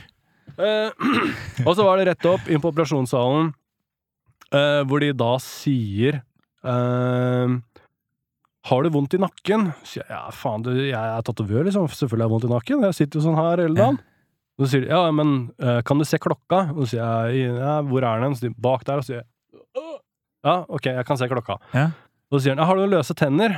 Så sier jeg nei, løse Det er jo jævlig mye rare spørsmål, jeg har ikke Ja. noen løse tenner. Og så eh, sier hun ene andre reiskatten er det lenge siden du tissa? Så jeg nei, faen, fem minutter siden, jeg vet du, faen. Nei, jeg tror ikke det. Det, det var bare nå i stad, liksom. Så sier hun ja, ok, for Ja, ja, men vi skal ta ultralyd av blæra di uansett. Så sier jeg ja, ok, ja, ja. Uh, og, og jeg skjønner jo ingenting av hva som skjer. Det er ti mennesker rundt meg som spør meg om masse spørsmål, og så får jeg da det her greiene i armen som ikke funker, for jeg får en ny en, og så er det natta. Og så våkner jeg opp, nå føler jeg at den er veldig personlig utleverende, men når jeg våkner opp, så skjønner jeg at de spør meg jo det her, fordi jeg skal intuberes i huet og ræva, ikke sant? Så jeg får jo sånn der jævla slange ned i, i svelget for å puste når jeg blir, er i narkose. Så får jeg sånn jævla slange oppi kølla. Så ikke jeg skal pisse noe sted, ikke sant? Så jeg fuckings våkner opp, da. Eh, jeg våkner opp på oppvåkninga der. Har vært borte en times tid, liksom. Og på en liten time så har de klart å få til det her, da. Eh, hvor da My Man Endre, som var saftansvarlig på oppvåkninga det, Jeg gjorde litt sport i å huske navnet til alle de folka, fordi det var Jeg er imponert. jeg, jeg satt ekstremt pris på det, fordi at de var veldig flinke og var veldig greie med meg da, i en veldig sårbar situasjon i mitt liv. Mm. Absolutt sårbar posisjon og Eh, med slange i kølla, og, og, og så sier jeg til Endre Hei, eh, kan jeg få noe av den safta som står her? Han bare selvfølgelig, null stress. Vil du ha masse sånne bitte små mojito-isbiter? Og jeg bare yes, faen, sykehus er det beste. Og så sier jeg sånn Hei, Endre, jeg må pisse noe jævlig, men jeg vet ikke om jeg orker å reise meg. Faen, dere har jo kjøtta opp hele innsida mi, liksom. Så han bare ikke noe stress. Jeg har en flaske. Tisseflaske. Det er ikke noe stress i det hele tatt. Jeg kommer med flaske til deg. Endre. Og så ligger jeg litt sånn på sida og pisser på flaska, og så kjenner jeg at det, i helvete Det, jo, det kommer jo lava ut av kølla. For jeg har jo hatt sånne der pappsugere fra McDonald's inni pikken, ikke sant? Så det er jo det, er jo det vondeste. Men samtidig så har jeg jo hatt en hageslange ned i halsen, inn i, i lungene eller hvor enn. Så den safta er jo dritkjipt òg. Så eh, når jeg ligger på oppvåkninga, så skjønner jeg at det, det er jo ikke blindtarmen som er stress. Det er jo alle de Alle. slangene som er stress. Altså Blind, bare ta blindtarmen, liksom. Ja.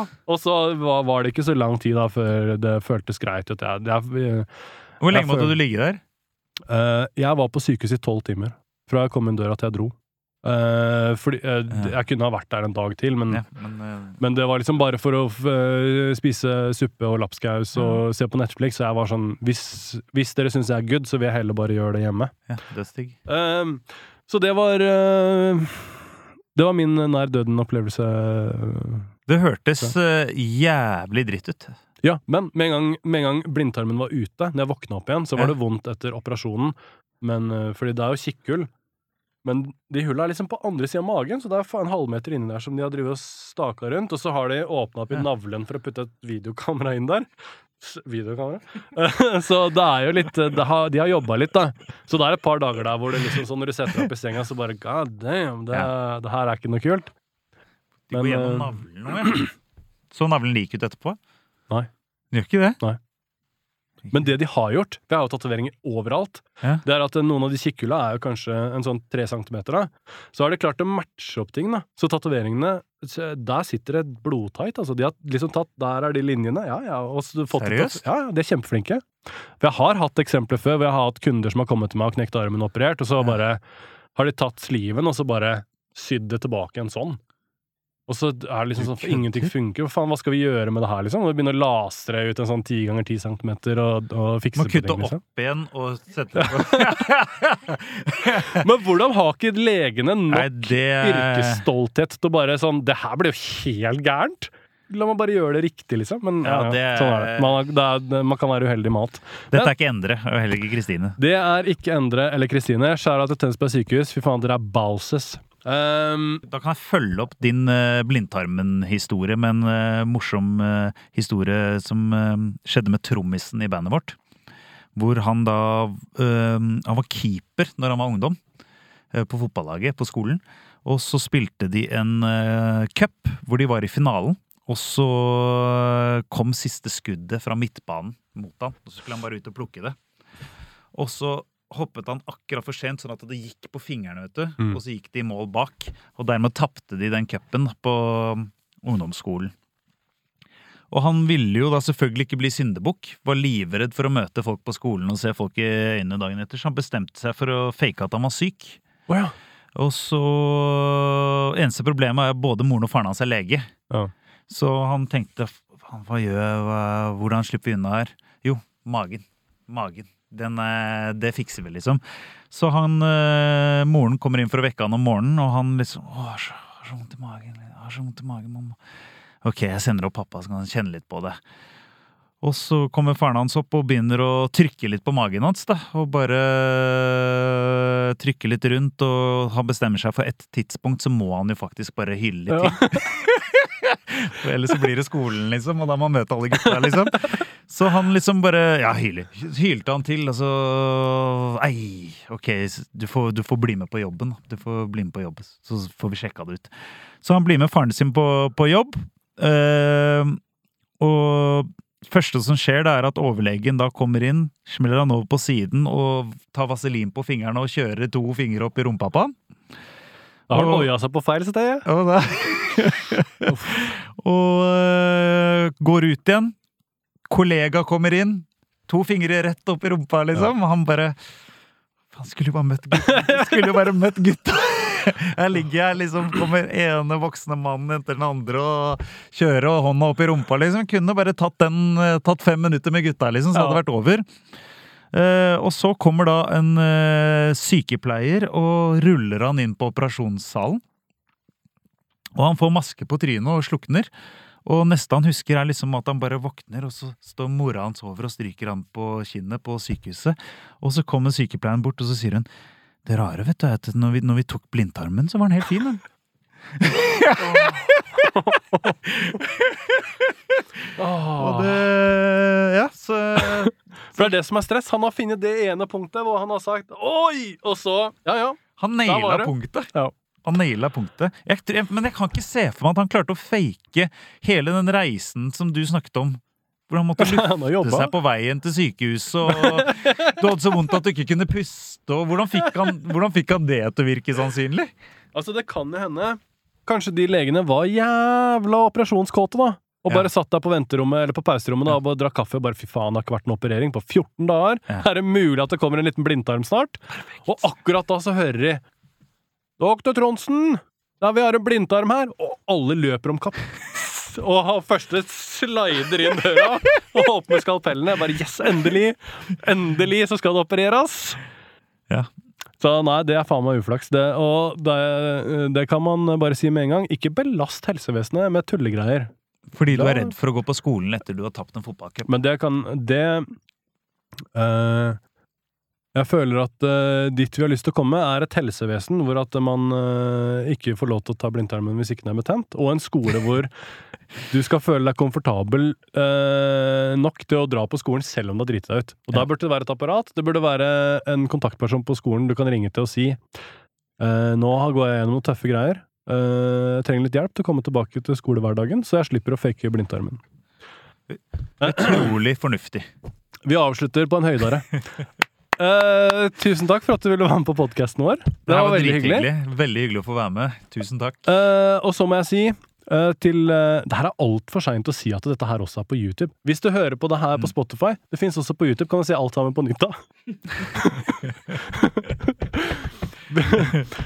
Hvis du ikke har hørt om det, så har vi også en Patrion-konto hvor det ligger en del behind the scenes-greier. Hvor det ligger noen sånne små 10-15 minutters eh, snutter fra de forskjellige podkastene som er bonus. Og hvor du kan eh, være med å bestemme hvilken retning denne podkasten skal ta. Jeg vil også si at eh, vi klarte selvfølgelig å akkurat rekke å hype opp litt at vi skal ha liveshows uh, i forrige sesong, Uh, rett før ny lockdown. Så liveshows kommer, mer info følger, men per nå aner ikke. Takk for oss, podden. Later.